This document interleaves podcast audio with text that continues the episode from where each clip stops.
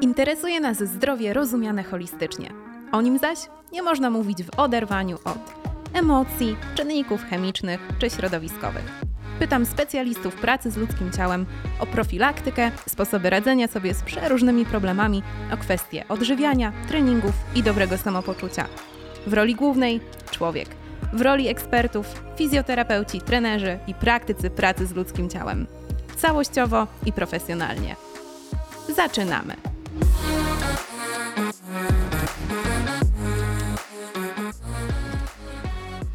Mówi się, że jaki początek, taka i cała reszta. Dlatego zaczynamy nasz podcast z wysokiego C.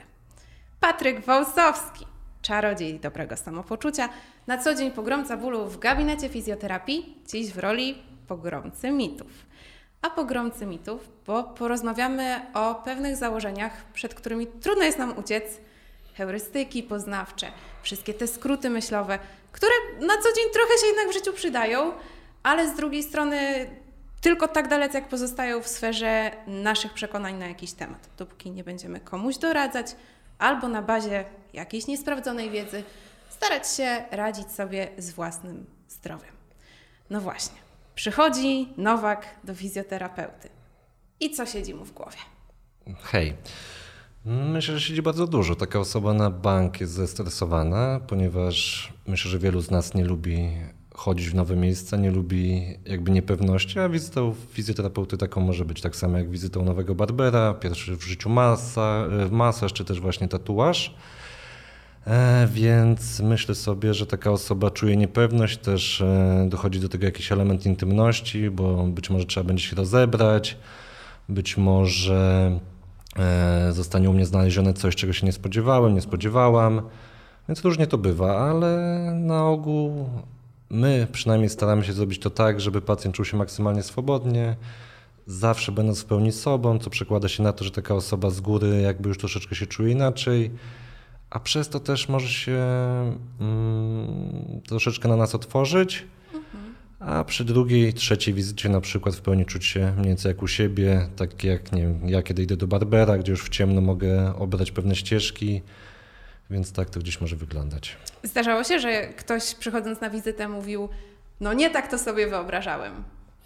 Mm, bardziej pod pozytywnym mhm. Mm, względem. Bardziej jest tak, że ludzie jednak ciągle gdzieś nas e, kierunkują w stronę NFZ-u, ciągle nas kierunkują poprzez e, wizytę ortopedy, skierowanie, wszelkiego rodzaju fizykoterapię, tym podobne rzeczy. A kiedy trafiają do nas do gabinetu, to wygląda to zgoła inaczej. Jest to sytuacja, w której, tak jak już mówiłem, mogą się czuć w pełni swobodnie. E, jakby w obrębie czterech ścian zostaje wszystko, to co chcą nam przekazać i to, co, to z czym do nas przyszli. Więc myślę sobie, że raczej w tym pozytywnym kontekście. Raczej nie jest tak, że kurczę, rozczarowałem się, bo liczyłem, że nie wiem, no, fizjoterapeuta wyjmie różowe hula hop i zacznie im kręcić. Takiej sytuacji raczej nie ma. Zresztą myślę, że dużo bym nie pokręcił, ale tak, raczej pozytywnie, raczej pozytywnie. Jest kilka fajnych rzeczy, o których wspomniałeś. Tutaj w kontekście tych oczekiwań i ewentualnie rozczarowania, to być może, jeśli ktoś naszykował się na masaż, na dobrą mhm. relaksację, a przychodzi tutaj z masażu nici, bo nikt nie czeka z oliwką, mhm. to może to wyglądać troszkę inaczej. Mhm. Bo chyba cały czas pokutuje takie wyobrażenie um, odnośnie tego, kim jest, a kim nie jest fizjoterapeuta, choć to w ogóle osobny temat. Oczywiście, że tak. I myślę, że kiedyś warto się będzie na tym pochylić. Ja bym rozgraniczył bardzo mocno zawód masażysty i zawód fizjoterapeuty. Bo jest tak, że większość z nas w zawodzie zaczynała jako masażyści. Jeździliśmy po domach, metrem, tramwajem, autobusem z wielką czarną teczką niczym student ASP.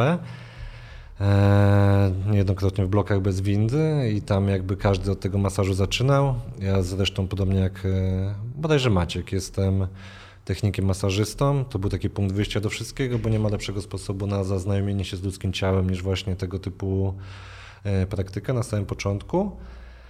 Więc to jest jakby doskonały punkt wyjścia, jednakże później w ramach jakby odkrywania zawodu fizjoterapeuty człowiek odkrywa, że może wyglądać to zgoła inaczej, mhm. że jakby możemy wykorzystywać bardzo duży arsenał możliwości ku temu, żeby pacjentowi maksymalnie szybko, w maksymalnie krótkim czasie być w stanie pomóc, mhm. co przekłada się na jego zadowolenie, nasze zadowolenie, bo nie rozwlekamy tych wizyt na 40, 60, a jednocześnie taka osoba po kilku, kilkunastu dniach jest w stanie poczuć, że faktycznie coś się w jej ciele zmieniło. Mm, świadomość u ludzi wzrasta. Jest tak troszeczkę czasami, że ludzie dziwią się, że nie ma tej, tej oliwki, a to chyba gdzieś tak w rodzinie najczęściej. Mhm. Chociaż rodziny leczyć się nie powinny, są to zawsze najtrudniejsze terapie w skali całego roku. Jednakże świadomość ludzi wzrasta i wiedzą mniej więcej z czym fizjoterapia się kojarzy i też częściej jesteśmy już nazywani fizjoterapeutami niż stricte masażystami. Mhm. Chociaż tych też absolutnie nie, nie należy deprecjonować. Ja sam z tego typu usług bardzo chętnie korzystam, bardzo chciałbym częściej korzystać, bo przynoszą one ulgę, przynoszą one rozluźnienie, wzrost endorfin. Więc są to takie rzeczy, które gdzieś tam warto sobie w tą codzienną, ten codzienny tryb życia po prostu wprowadzić. Ale tak, oliwka gdzieś tam na bok, ja zresztą sam osobiście nie cierpię oliwki. E, jeszcze często uczulenie od niej dostawałem, więc moje początki były, były przeróżne, ale tak, tak, zdecydowanie bardziej fizjoterapeuta niż masażysta i bardziej też już ludzie są przygotowani na to, e, z czym to się będzie wiązało po mhm. prostu. E, wspomniałeś też o tym, że to niekoniecznie musi wyglądać tak, że tych wizyt będzie nie wiadomo ile. Mhm. To chyba też jest jedno z takich założeń, które pokutuje, że jak sobie nie wykupię tych pakietu 10, to czy to mi pomoże? Jak to jest z tymi mm, wizytami? Ja myślę, że punktem wyjścia zawsze będzie praca na NFZ.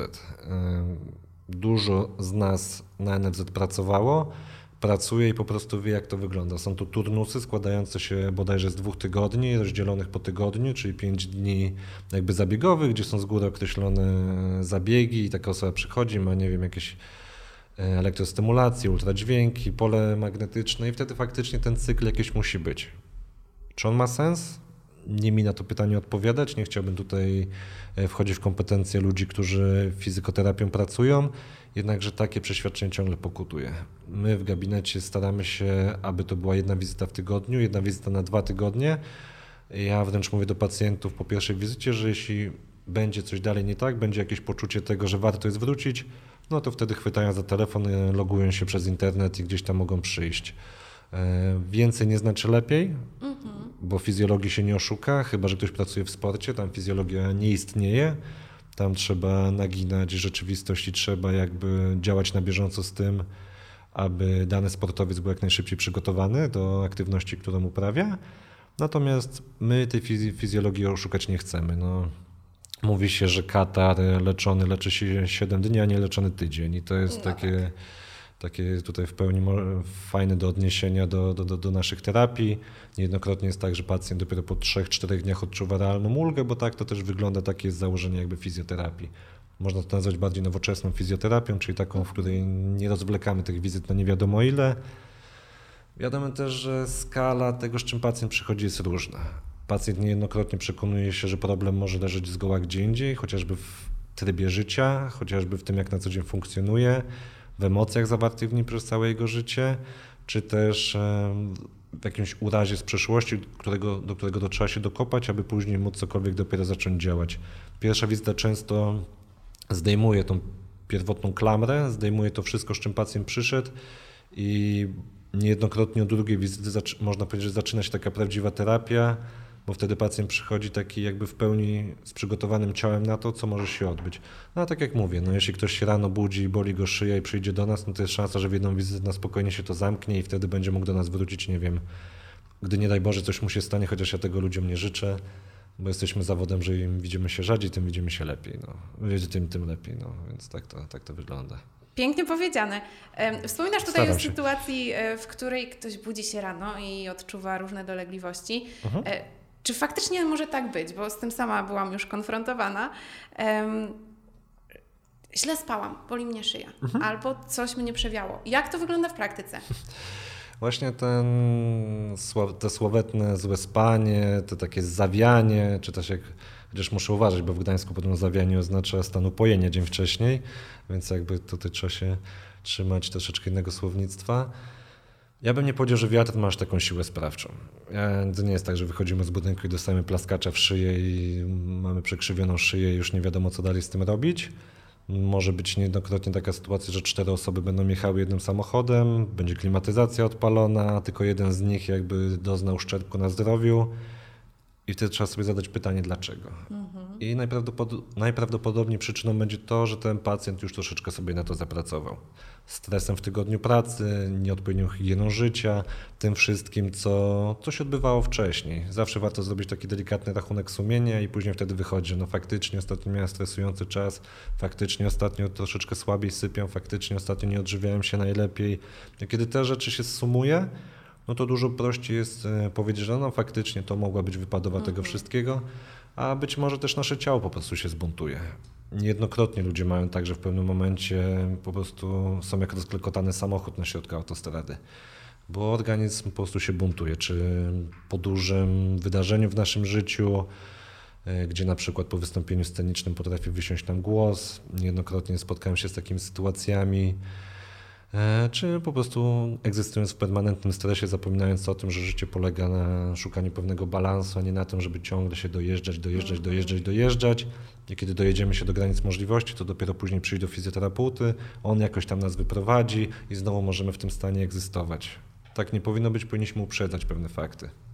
Ja też nie idę do barbera, kiedy mam brodę do kolan, tylko kiedy już czuję, że kiedy patrzę w lustro i widzę, że już powoli coś jest nie tak. Mhm. No i tak to powinno gdzieś też wyglądać. Zawsze, zawsze starajmy się zapobiegać, niż już później faktycznie leczyć, bo ten, to, to będzie się wydłużało, ten stan zapalny będzie dużo mocniejszy, ta terapia dla pacjenta też będzie dużo mniej komfortowa. A czasem jest tak, że taka osoba przyjdzie i powie, no w sumie kurczę spodziewałem się, że będzie gorzej, a było całkiem spoko. No bo właśnie uprzedził fakty. Uprzedził ten stan, który miał nadejść, bo też nie, nie oszukujmy się, nie jest tak, że w życiu codziennym będziemy funkcjonować bez jakiegokolwiek urazu, bo, bo to jest po prostu najzwyczajniej w świecie niemożliwe, no bo jest mhm. bardzo wiele czynników, które co dzień na nas wpływają, chociażby od jakości jedzenia, jaką przyswajamy, e, warunków pogodowych, w jakich egzystujemy, sławetny smog warszawski, krakowski i tak dalej, więc jest bardzo dużo tych rzeczy. Czy też takie rzeczy małe, jak chociażby to, że dzisiaj nagrywamy podcast, i zakładam, że chociaż nie dotykało to żadnego z nas, no to jakaś delikatna adrenalina przed tym wszystkim była, prawda? Ależ oczywiście. No ale widzisz, to o czym mówisz jest też bardzo ważne e, z takiej perspektywy w kontekście tego przewiania, czy mhm. chociażby złego snu, że jeżeli z takim mitem pokutującym w sobie funkcjonuje, to kiedy taka sytuacja mi się przytrafia, to ja ją bagatelizuję. Bo mhm. no, tak się no, przydarzyło. Okazuje się, że jest my to manifestacja mistrzami bagatelizowania własnego zdrowia. E, tak jak, tak, jak, tak jak tutaj Maciek napisał ostatnio taki wpis a propos tego, że idąc do, że kiedykolwiek coś się dzieje z naszym samochodem, to momentalnie ruszamy do, do warsztatu. A z naszym zdrowiem to jest tak, że a, rozchodzimy, przejdzie, wezmę tabletkę, coś, coś, coś. Wiecz, ciepłe wiecz, okłady. Ciepłe okłady, końska maść, to ciągle gdzieś tak pokutuje, ciągle funkcjonuje. A też trzeba, się, trzeba sobie zadać pytanie, czy większość z tych rzeczy faktycznie jest dla nas, czy osoby z problemami kardiologicznymi powinny brać maści rozgrzewające, czy tego później nie zaognią. Bo to jest troszeczkę tak, jakbyśmy chcieli polewać e, benzyną wzniecony pożar. Jeśli mamy w ciele stan zapalny, my to jeszcze bardziej dogrzejemy, no to tym bardziej wydłużymy ten czas. Może też być tak, że ta maść wejdzie w jakąś reakcję alergiczną ze skórą, podrażniając jeszcze bardziej ten obszar, dokonując kolejnego stresoru w naszym ciele.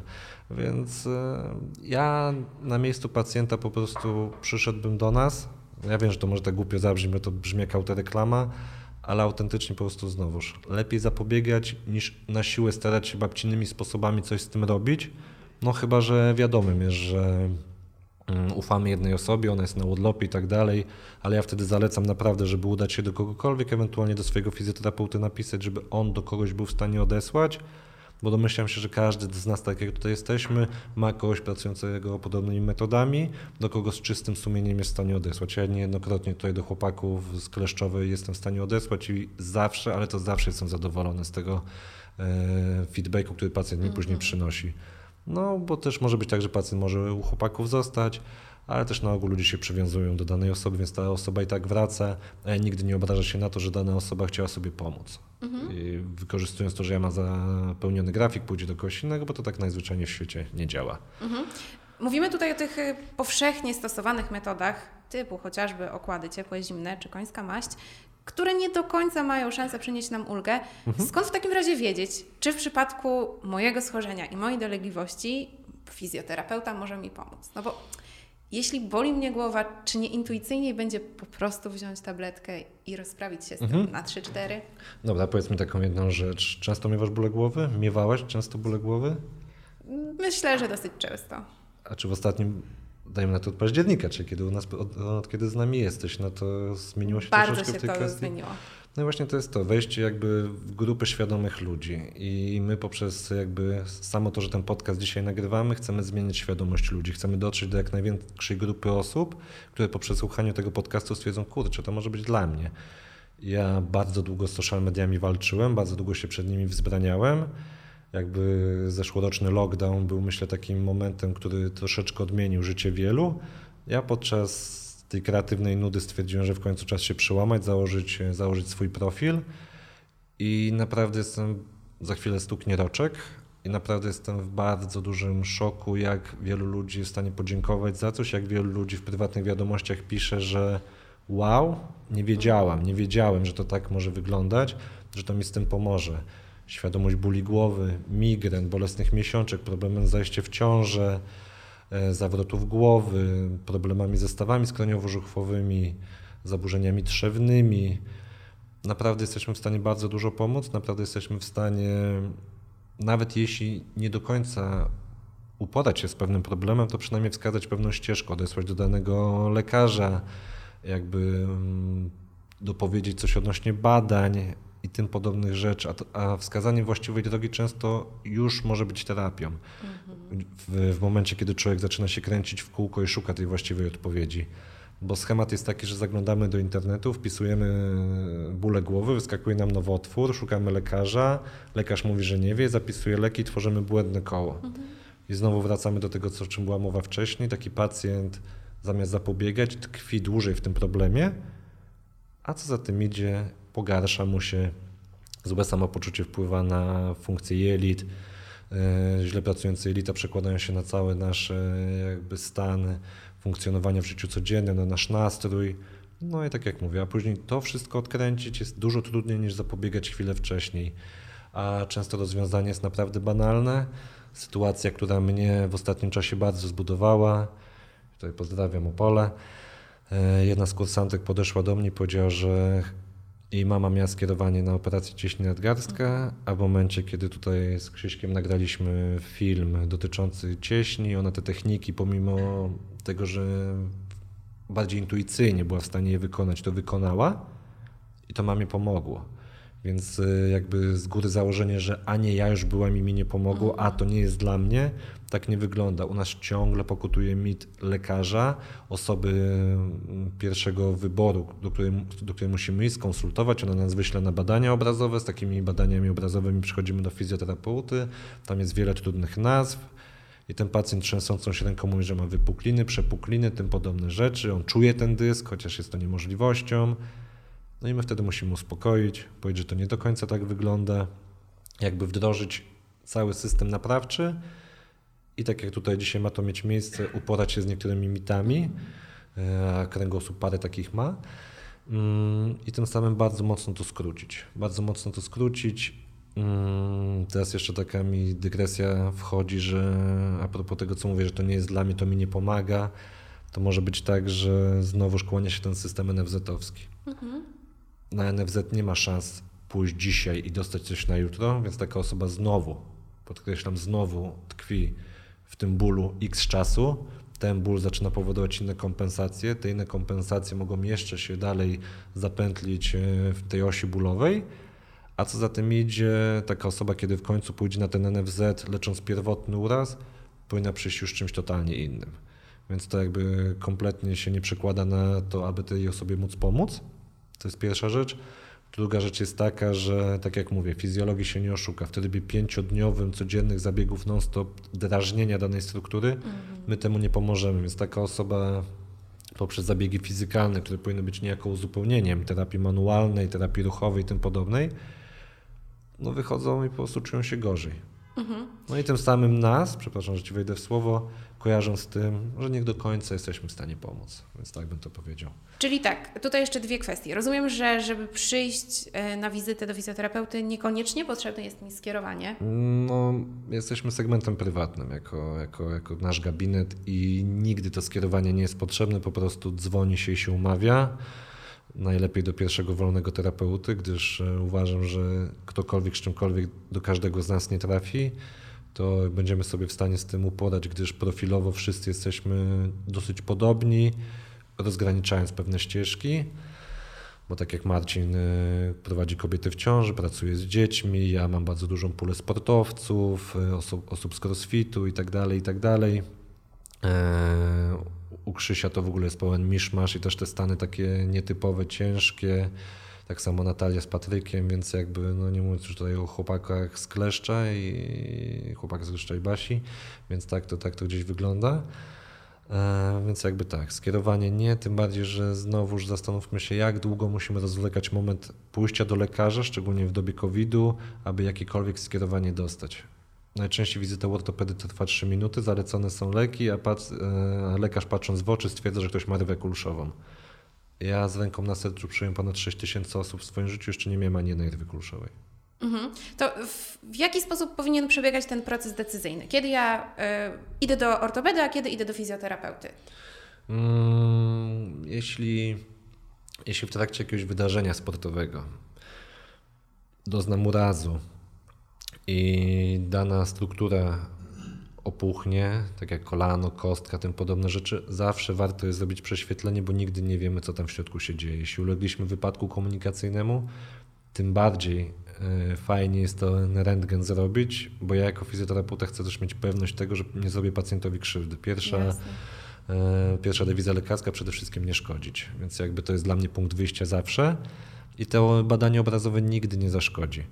Jednakże mamy taką troszeczkę, można powiedzieć, e, takie hasło, że na zasadzie kota Schrödingera, że pacjent nie wie, że ma dyskopatię, dopóki jej nie zobaczy.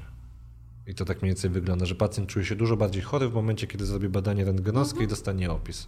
I on, wtedy, on się wtedy czuje po prostu rozwalony na łopatki, on jest w stanie po schodach wejść. Dopóki tego nie miał, egzystował absolutnie wspaniale.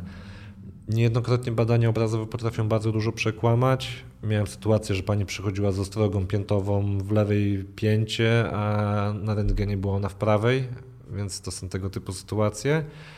E, więc znowu nie zakłamujemy rzeczywistości, leczymy objawy, a nie zdjęcie czy opis. Jednakże, tak jak mówię, proces decyzyjny powinien być taki, że czuję się źle, spróbujmy u fizjoterapeuty. Jeśli to nie pomoże, chodźmy do ortopedy jakby skróćmy całą tę drogę, bo my poprzez jakby badanie fizykalne, poprzez oględziny ciała, poprzez badanie jamy brzusznej, tym podobne rzeczy jesteśmy w stanie naprawdę wykonać tą lwią część pracy, którą wykonuje ortopeda, a też funkcjonując w systemie godzinnej pracy jesteśmy w, jesteśmy w stanie poświęcić pacjentowi czas. Ortopeda pracujący w publicznej służbie zdrowia ma taśmę, a w ciągu takiej taśmy niejednokrotnie jesteśmy w stanie bardzo dużo przegapić. I myślę, że to jest największy problem e, systemu, w którym funkcjonujemy. Jakby pacjent staje się e, PESEL-em, a nie staje się człowiekiem, a my zawsze pracujemy z człowiekiem. Mhm. Więc tak to wygląda.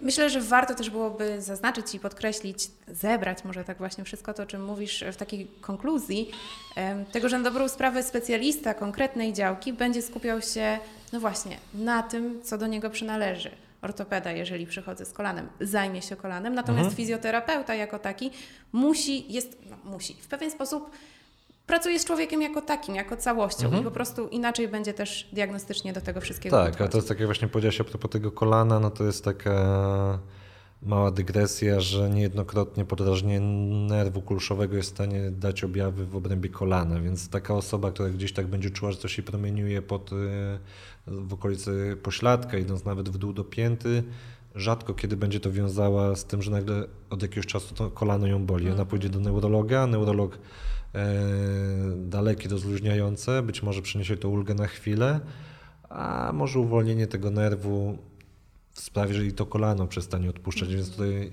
trzeba by było sobie zadać pytanie, no to ja muszę iść do neurologa, czy muszę iść do ortopedy w tym momencie? I znowu mamy ścieżkę wyboru, a jak już wspomniałem, ścieżka wyboru znacznie wydłuża nam proces decyzyjny, Jasne. znacznie wydłuża nam proces leczniczy, który warto, który łatwo byłoby nam zamknąć w gabinecie w trakcie e, jednej sesji, dwóch.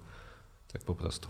Wspomniałeś też o tych dyskopatiach, o tym, że człowiek czuje się lepiej, dopóki się o niej nie dowie. I to Mhm. jest dokładnie kazus mojej kochanej mamy, która poszła z bólem pleców. Też e, pozdrowić mamy? Bardzo serdecznie.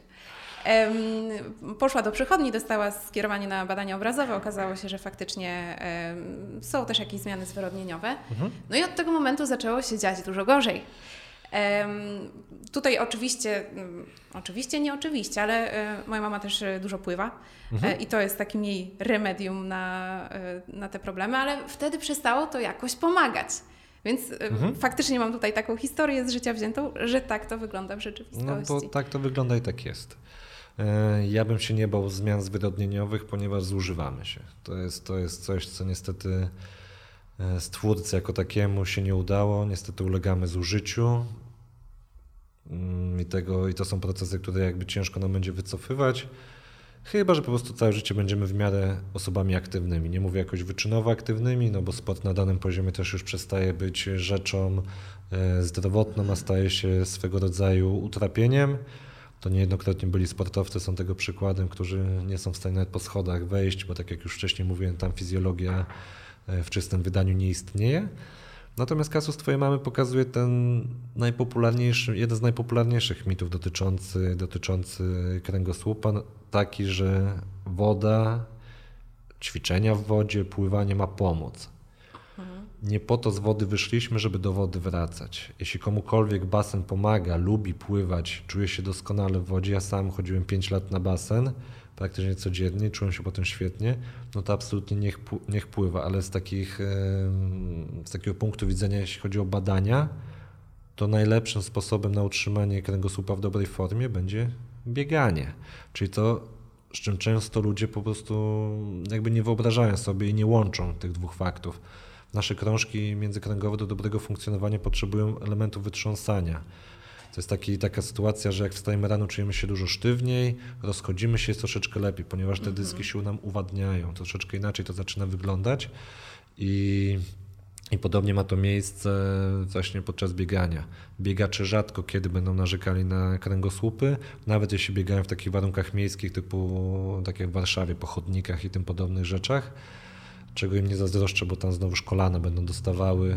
No ja tu znowu, tu już mówię o sporcie naprawdę na, na, na, na wyższym poziomie. Natomiast też my bardzo często zapominamy o pewnej symetrii. Mm, I tak jest, że podczas pływania jakby mamy zadartą głowę, wknęśnięty kręgosłup lędźwiowy, nogi to jest osobny byt, ręce to jest osobny byt. Tam za dużo takiej symetrii nie ma. Natomiast no, ludzie, którzy chodzą uprawiając Nordic Walking, oni będą mieli kręgosłupy w rewelacyjnej formie. Raz, że się ruszają, dwa, że na świeżym powietrzu, bo najczęściej odbywa się to gdzieś w lesie. Trzy, tam dochodzi do bardzo fajnej kalibracji kręgosłupa, ustawieniu go w takim punkcie zero, można powiedzieć. I te osoby praktycznie nigdy nie będą narzekały na tego typu dolegliwości. Tam mogą się wkradać jakieś inne chochliki typu ból barku, ból kolana, ból kostki, ale to na pewno są rzeczy gdzieś tam z wcześniejszego funkcjonowania. Ruch jest zdrowiem. Zdrowie jest ruchem i o tym musimy pamiętać. Tylko tak jak mówię, żeby tego też jakby tutaj źle nie odebrać, ja nie zabraniam ludziom pływać, sam uwielbiam, ale też jest tak, że nie traktujmy ćwiczeń odciążających w odciążeniu jako coś, co ma nam na kręgosłup pomóc. Boli nas kręgosłup? Rozruszajmy się. Wprowadźmy ćwiczenia jogowe, wprowadźmy zwykły spacer 10-minutowy, o czym też bardzo często zapominamy i dopiero z tym będzie można jeździć dalej i, dopiero to pozwoli nam dobrze funkcjonować. Kiedy cała pompa mięśniowa się uruchomi, kiedy ten kręgosłup troszeczkę nam się zacznie uelastyczniać, dużo fajniej to zacznie, zacznie funkcjonować najzwyczajniej w świecie. E, Tutaj też odwołam się jeszcze do tego, co powiedziałeś chwilkę wcześniej, bo tak, em, zwyrodnienia swoją drogą, no ale są jeszcze przepukliny, są wypukliny. Mhm. Czy to, rozumiem, też nie jest wyrok? Absolutnie. Ja mam niestety już 32 lata, niespełna miesiąc. Do wieku Chrystusowego jeszcze mi roku brakuje. I ja 12 lat grałem w piłkę nożną, więc jakby na treningi poświęcałem 5 dni w tygodniu. o różnym stopniu przeciążenia. Człowiek był młody, głupi, niejednokrotnie odbywało się to bez rozgrzewki albo na klasyku lat 90., czyli na betonowych boiskach. Więc zakładam, że mój kręgosłup w jakiejś rewelacyjnej formie być nie musi. Mhm. Chociaż ja się czuję rewelacyjnie sam ze sobą, więc y, pewnie gdyby mi zrobić piękne zdjęcie rentgenowskie, no to tam jakieś wypuklinki, przepuklinki, tego typu rzeczy mogłyby się pojawić. Ale tak jak wspominałem wcześniej, znowu musimy leczyć objawy, a nie zdjęcie rentgenowskie i opis wykonany przez, przez radiologa. I musimy pamiętać bardzo ważną rzecz: nasze dyski nie wypadają nam za plecy, więc nie jest tak, że my coś wciskamy jak, jak, jak dysk w starych komputerach i on ląduje na miejscu, jest mhm. rewelacyjnie. Te jądra miażdżyce, to wszystko to są jakby rzeczy, które dzieją się dobrzusznie, więc poprzez jakby pracę w obrębie trzewi jesteśmy w stanie to dużo lepiej odżywić. I też e, musimy pamiętać jedną bardzo ważną rzecz, że tam dochodzi do różnicy pH. To nie jest tak, że tam po prostu jest jakiś e, balonik, który pyrga gałązkę mm -hmm. nerwową, tylko tam dochodzi do różnicy pH. Różnica pH się pojawia, dochodzi do drażnienia. I w momencie, kiedy pacjent troszeczkę inaczej się ułoży, nagle mówi, że jest mu lepiej. Bo jakby to ta fala się troszeczkę odsuwa. Więc jest tak, że jeśli my odpowiednio podziałamy, puścimy napięcie mięśniowe, troszeczkę mhm. inaczej podziałamy, czy poprzez manipulację, czy poprzez odżywienie tego obszaru, no to znowuż to drażnienie troszeczkę zaczyna nam się chować i to kiedyś doktor Składowski fajnie opisał, musimy pamiętać, że ta wypuklina ma strukturę tatara. I tatar w żaden sposób nie jest w stanie drażnić sznurówki. On przez nią przenika, ale nie jest tak, że po prostu pyrga ją, ona tam się czuje ciągle pyrgana jak osoba jadąca w godzinach szczytu tramwajem w Warszawie i ona czuje, że tam po prostu ciągle coś promieniuje. Mhm. Więc to tak po prostu gdzieś wygląda. Te wszelkie stany promieniowań typu cieś nadgarstka, typu te pseudorwy kulszowe, to jest często uwięźnięcie nerwu gdzieś na jego przebiegu, tak jakbyśmy wrzucili kamieni do rzeki, wywołując spiętrzenie wody, a nie jest to po prostu stan, w którym dochodzi do drażnienia. Mogą się takie stany pojawiać, na pewno takie stany też się pojawiają. Tak jak mówię, w mojej takiej codziennej praktyce gabinetowej na palcach jednej ręki można by policzyć takie stany, a tak jak mówię, rwa kulszowa nigdy, absolutnie nigdy mi się nie zdarzyła, e, ponieważ rwa kulszowa jest stanem, gdzie jeśli już pacjenta dopadnie, to on w życiu nie będzie w stanie do nas przyjść. On po prostu padnie na podłogę jak rażony piorunem i dopóki mięśnie nie odpuszczą, dopóki gdzieś ciało sobie nie przefiltruje tego całego stanu, to na tej podłodze będzie leżał. Wtedy najczęściej kończy się karetką, zastrzykiem rozluźniającym i taka osoba z postrzałem jest w stanie dopiero gdzieś tam do nas przyjść, mhm. ewentualnie może być tak, że ktoś do niej przyjedzie. No i to by było najlepsze rozwiązanie tego problemu. Więc e, absolutnie nie, absolutnie wypukliny, przepukliny, tego się nie boimy. Tak samo nie boimy się chondromolacji. Mhm. E, I tak jak mówię, zmian zwyrodnieniowych też bym się nie bał. Zadałbym sobie pytanie, co powoduje, że one w tym stanie postępują tak szybko.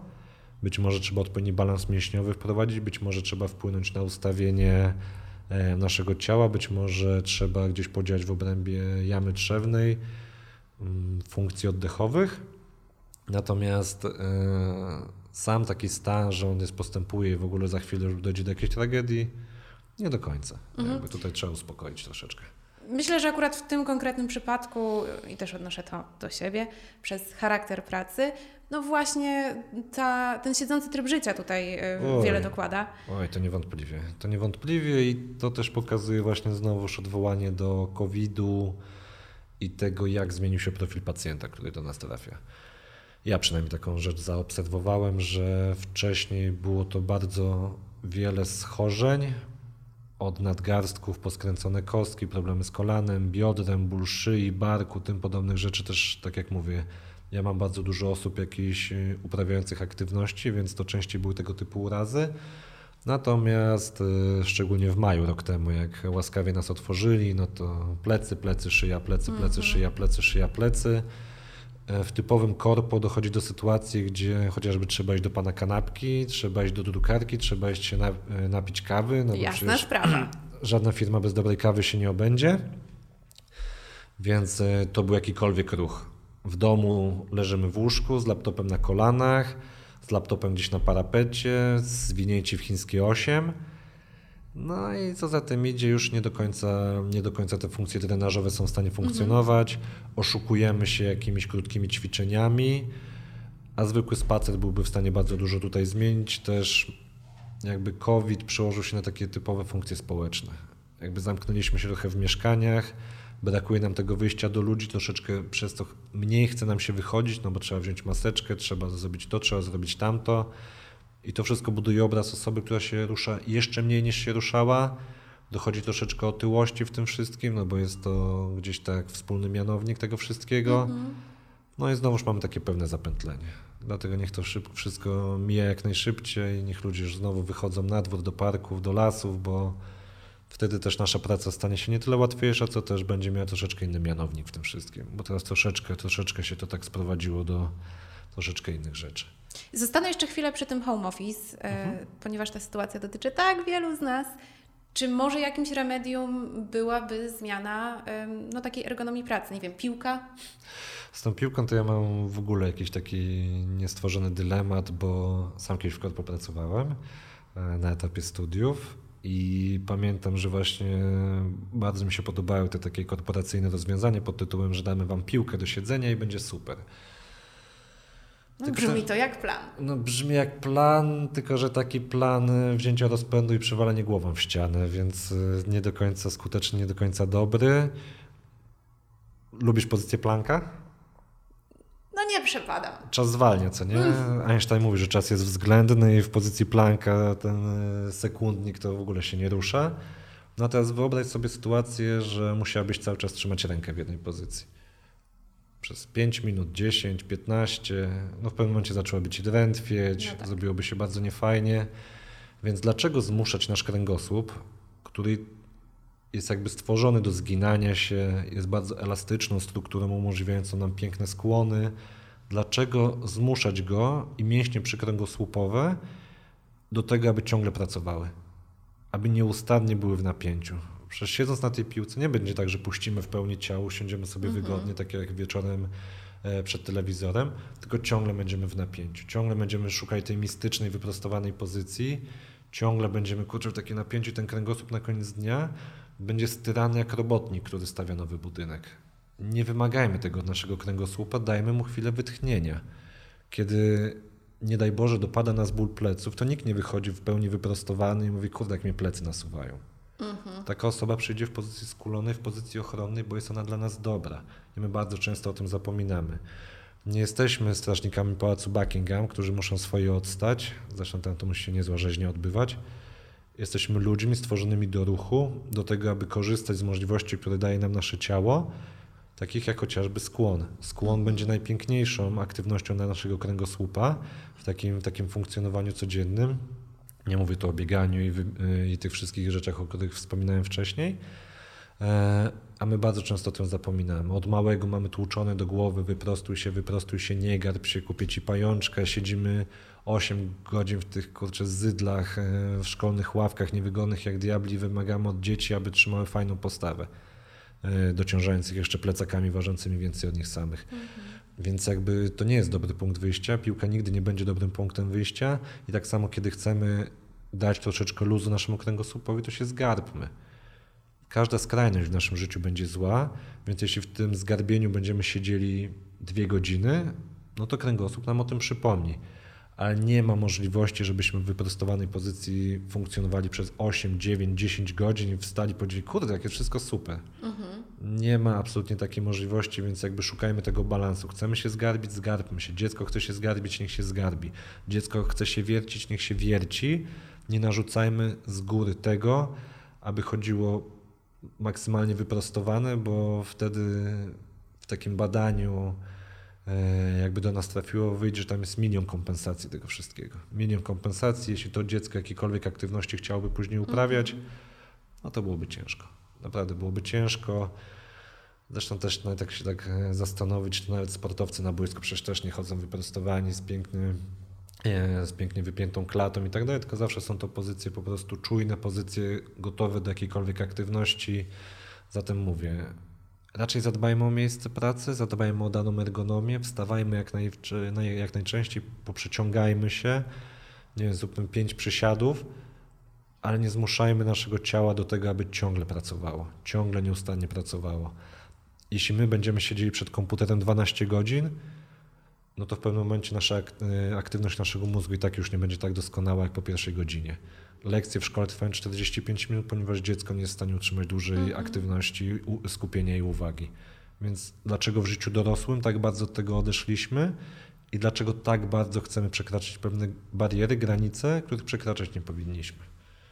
No chciałabym kiedyś usłyszeć odpowiedź również na to pytanie, bo dziecko jak dziecko, ale sama mhm. z tym mhm. utrzymaniem uwagi w 45 minut longiem też myślę, że mogłabym mieć e, jakąś trudność.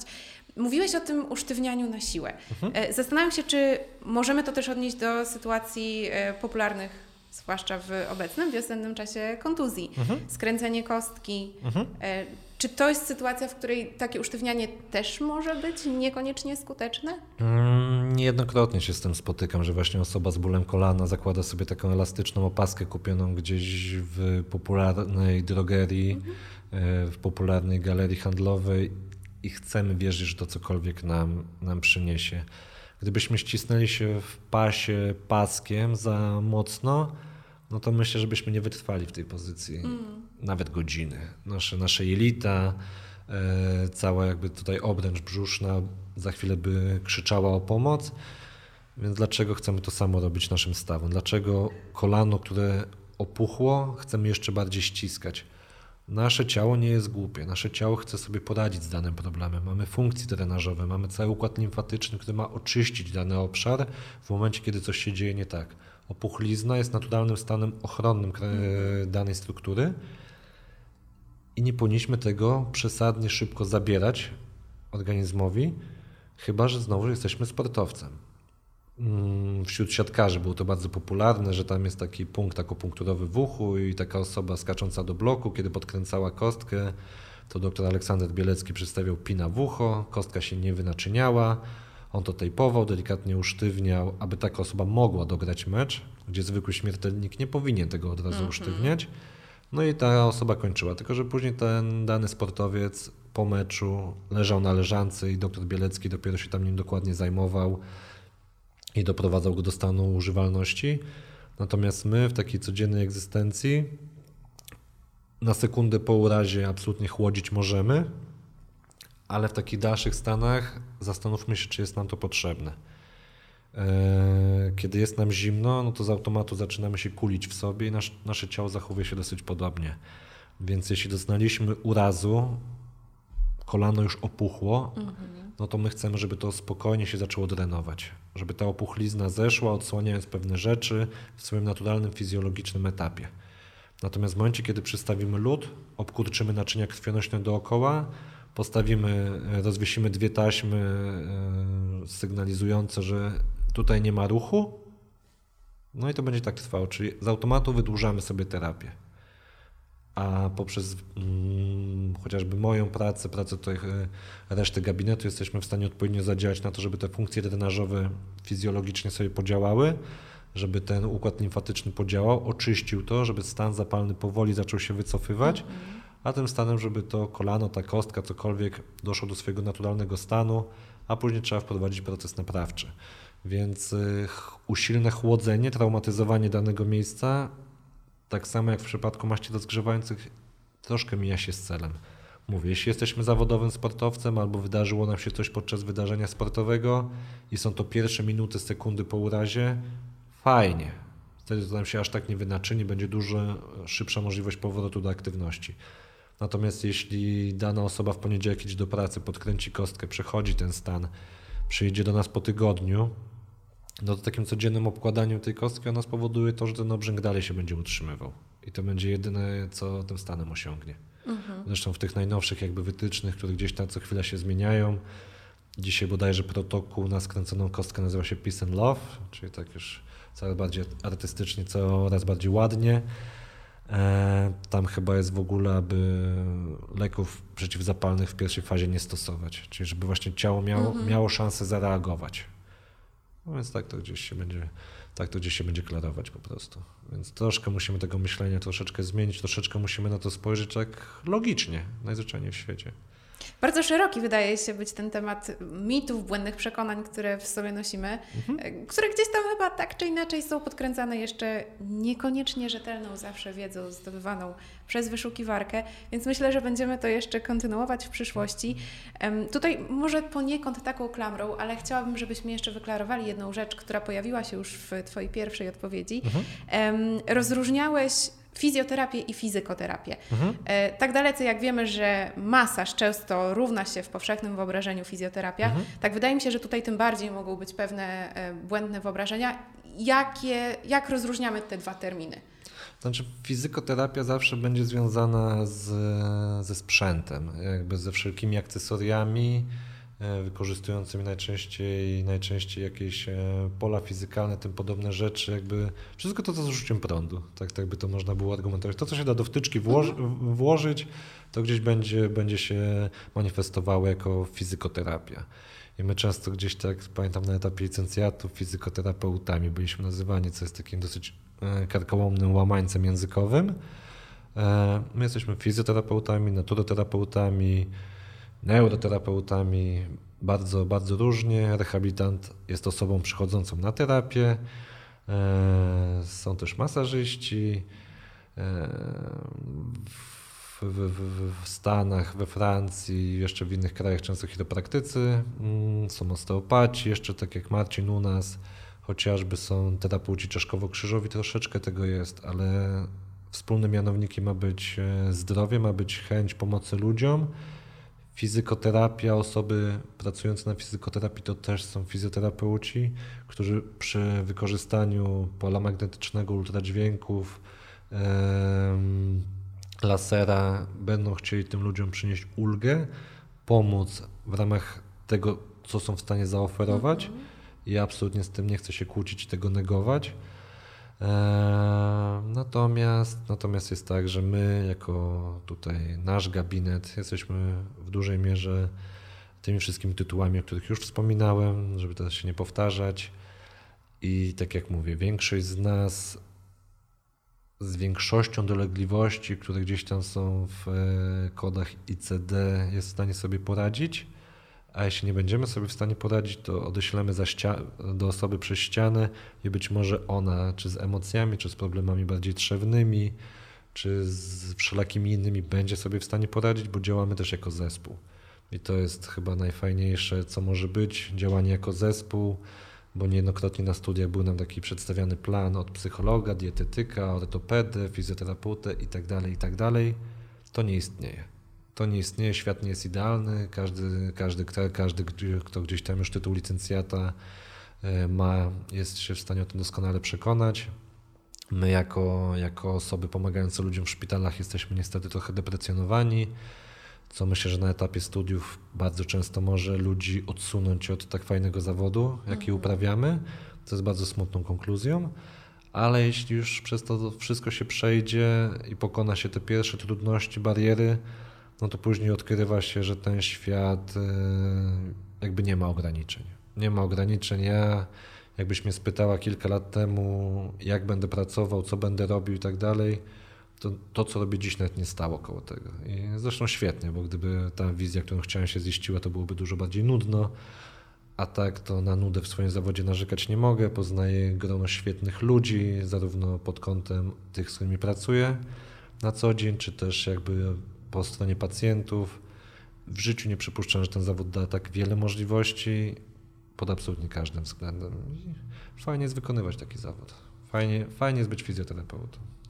To jest piękna puenta. Dodałabym z perspektywy swojej, z perspektywy pacjenta, że również nie spodziewałam się, jak wiele możliwości e, ta branża i ta dziedzina może przynieść e, w kontekście w ogóle polepszenia samopoczucia i dobrego życia jako takiego. E, to wszystko są tematy, które mam nadzieję będziemy zgłębiać, mhm. bo nie wyczerpaliśmy nawet połowy tego, o czym porozmawiać możemy. Być może są jakieś inne mity, założenia albo tematy, które interesują Cię w sposób szczególny. Będziemy organizować różne ankiety. E, już gdzieś tam się kręciły na Instagramie, parę pytań spłynęło. Mhm. Myślę, że sobie je zostawimy na mhm. następny mhm. raz. Tak, niewątpliwie. Ja tam parę zapisałem i myślę, że do tego będzie fajnie się odnieść. Nawet na zasadzie jakiegoś, nawet Q&A, ja myślę, nawet jakiejś luźnej, luźnej wstawki gabinetowej. tak w ramach po prostu wiesz, codziennych funkcjonowania, jeśli Jasne. takie rzeczy spłyną, e, możecie zadawać pytania na fanpage gabinetowy, na mój prywatny, nawet do Eweliny myślę prywatnie, czy do innych e, osób pracujących w gabinecie. My zawsze do tego typu rzeczy będziemy chcieli się odnieść. No i do tego serdecznie zachęcamy. Zdecydowanie tak, czyli zapowiadamy i obiecujemy. Wspominasz o fanpage'u. Gdzie Mhm. można Cię w social media znaleźć? Instagram i Facebook najklasyczniej. No, wielkie, wielkiej kreatywności nie ma, bo jest to fizjoterapia wąsowski, więc jakby tutaj mówię, lotu w kosmos nie ma, jest po prostu łatwo, przystępnie, szybko do znalezienia. No i tam też Was mogę zaprosić. Staram się być w miarę regularny w tym, co robię i staram się też pokazać troszeczkę inne spojrzenie na to wszystko i wychodzić poza pewne schematy. No bo tutaj my się wszyscy wewnątrz projektu mamy taki, takie myśl, aby troszeczkę te schematy łamać, aby troszeczkę wychodzić poza, poza utarte schematy i póki dopóty tego się będziemy trzymać, to zawsze będzie fajnie. Hashtag nowoczesna fizjoterapia. I ze swojej strony zapraszam tak na fanpage Patryka, jak na fanpage gabinetów projektmasaż.gabinet. E, Tam będziemy się komunikować również odnośnie tego podcastu, tego co dzieje się tutaj. No i cóż, e, piękna rozmowa. No, przy ponie- poniedziałku nie dało się zacząć lepiej, myślę. E, Komentujcie, dajcie nam znać, czego tak naprawdę oczekujecie, jakie są tematy dla Was najistotniejsze, e, tak żebyśmy mogli poruszać coś, co Was najbardziej interesuje. Dzięki za dzisiaj Dzięki. i do następnego razu.